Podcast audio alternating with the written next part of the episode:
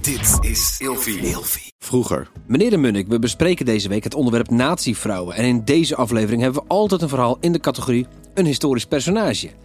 We gaan het hebben over Leni Riefenstahl. Ja. Zij was dus ehm, filmmaker en eh, documentairemaakster. Zeer vooruitstrevend. Zij verzinde de, de allernieuwste dingen. Maar zij zat dus midden in die nazi-propagandamachine. We hebben het over de Tweede Wereldoorlog. We hebben het over de Tweede Wereldoorlog, ja. We hebben het over natievrouwen. Absoluut. Ehm, dus wat er eigenlijk gebeurt is dat eh, zij maakt een, een wereldberoemde film.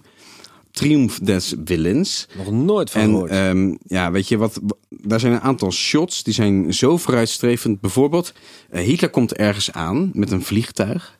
En je ziet eerst het schaduw van zijn vliegtuig wordt gefilmd. En dan komt hij als een soort grote verlosser komt hij binnen. Eh, En weet je, ze hadden dat zo goed uitgedokterd. Met muziek eronder. Ze hadden ook voor het eerst film met muziek. En met shots van mensen die eh, helemaal in extase raken. En dan worden weer die nazileiders in beeld gebracht. En dan komt er weer opzwepende muziek. En Dat is wel gezellig allemaal. Er is wel over nagedacht. je moet je voorstellen dat, dus dat je dat ziet. Die film. Die Ja, documentaire. Ja, ja. En je bent overdonderd. Je wil daarbij horen. Dat is, een- zeg maar, dat is wat ze deden. Maar waarom is zij dan een historisch personage van deze dinsdag? Zij was eigenlijk een soort van het gezicht van de propagandamachine van de nazi's. Zij, zij heeft eigenlijk dat helemaal eh, vormgegeven. En Dus ze was niet achter de schermen. Ze was voor de schermen. Nee, ja, ze was wel echt aanwezig. En eh, later na de oorlog eh, moest zij natuurlijk ook terecht staan. Hè? En eh, gingen ze afwegen van... eh, Oh, ja? ja, Waarom? nou ja, we- ze heeft met de nazi's meegewerkt, toch?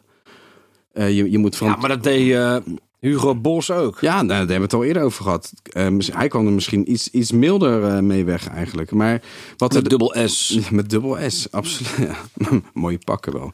Maar Leni Riefenstahl, die, die werd dus eigenlijk een soort van... Ja, altijd als nazi weggezet. En daardoor kwam ze eh, even in een soort van... eh, ja, hoe zeg je dat? Verd- In het verdomhoekje. Maar ze, ze heeft zichzelf altijd ontwikkeld, ook als fotografe. En Maar was zij een soort van marketingbaas van de nazi's? Nee, Is nee, dat nee, het? nee, nee. Zij maakte gewoon echt hele goede promofilms, om het zo maar te zeggen. Ja, maar dan ben je daardoor toch werd de ze marketingbaas? ingezet. Nou, als je dat zo ziet, ja. Propaganda, zij was verantwoordelijk voor propaganda van de nazi's. Ehm, dat was Jozef Goebbels, maar zij werd ingezet om dat allemaal uit te voeren. Ja, zij was het creatieve brein achter alles. Ben je toch de lullen, hè? Nou ja, zij was dus de lul. Ja. En daarna kreeg ze eigenlijk een soort van weer een kans om terug te komen. En het schijnt dat ze toen in Afrika bepaalde stammen in beeld mocht brengen. Ook voor, voor eh, National Geographic, geloof ik. Toen ging ze voor Daisy Bouterse werd ze persvoorlichter zeker.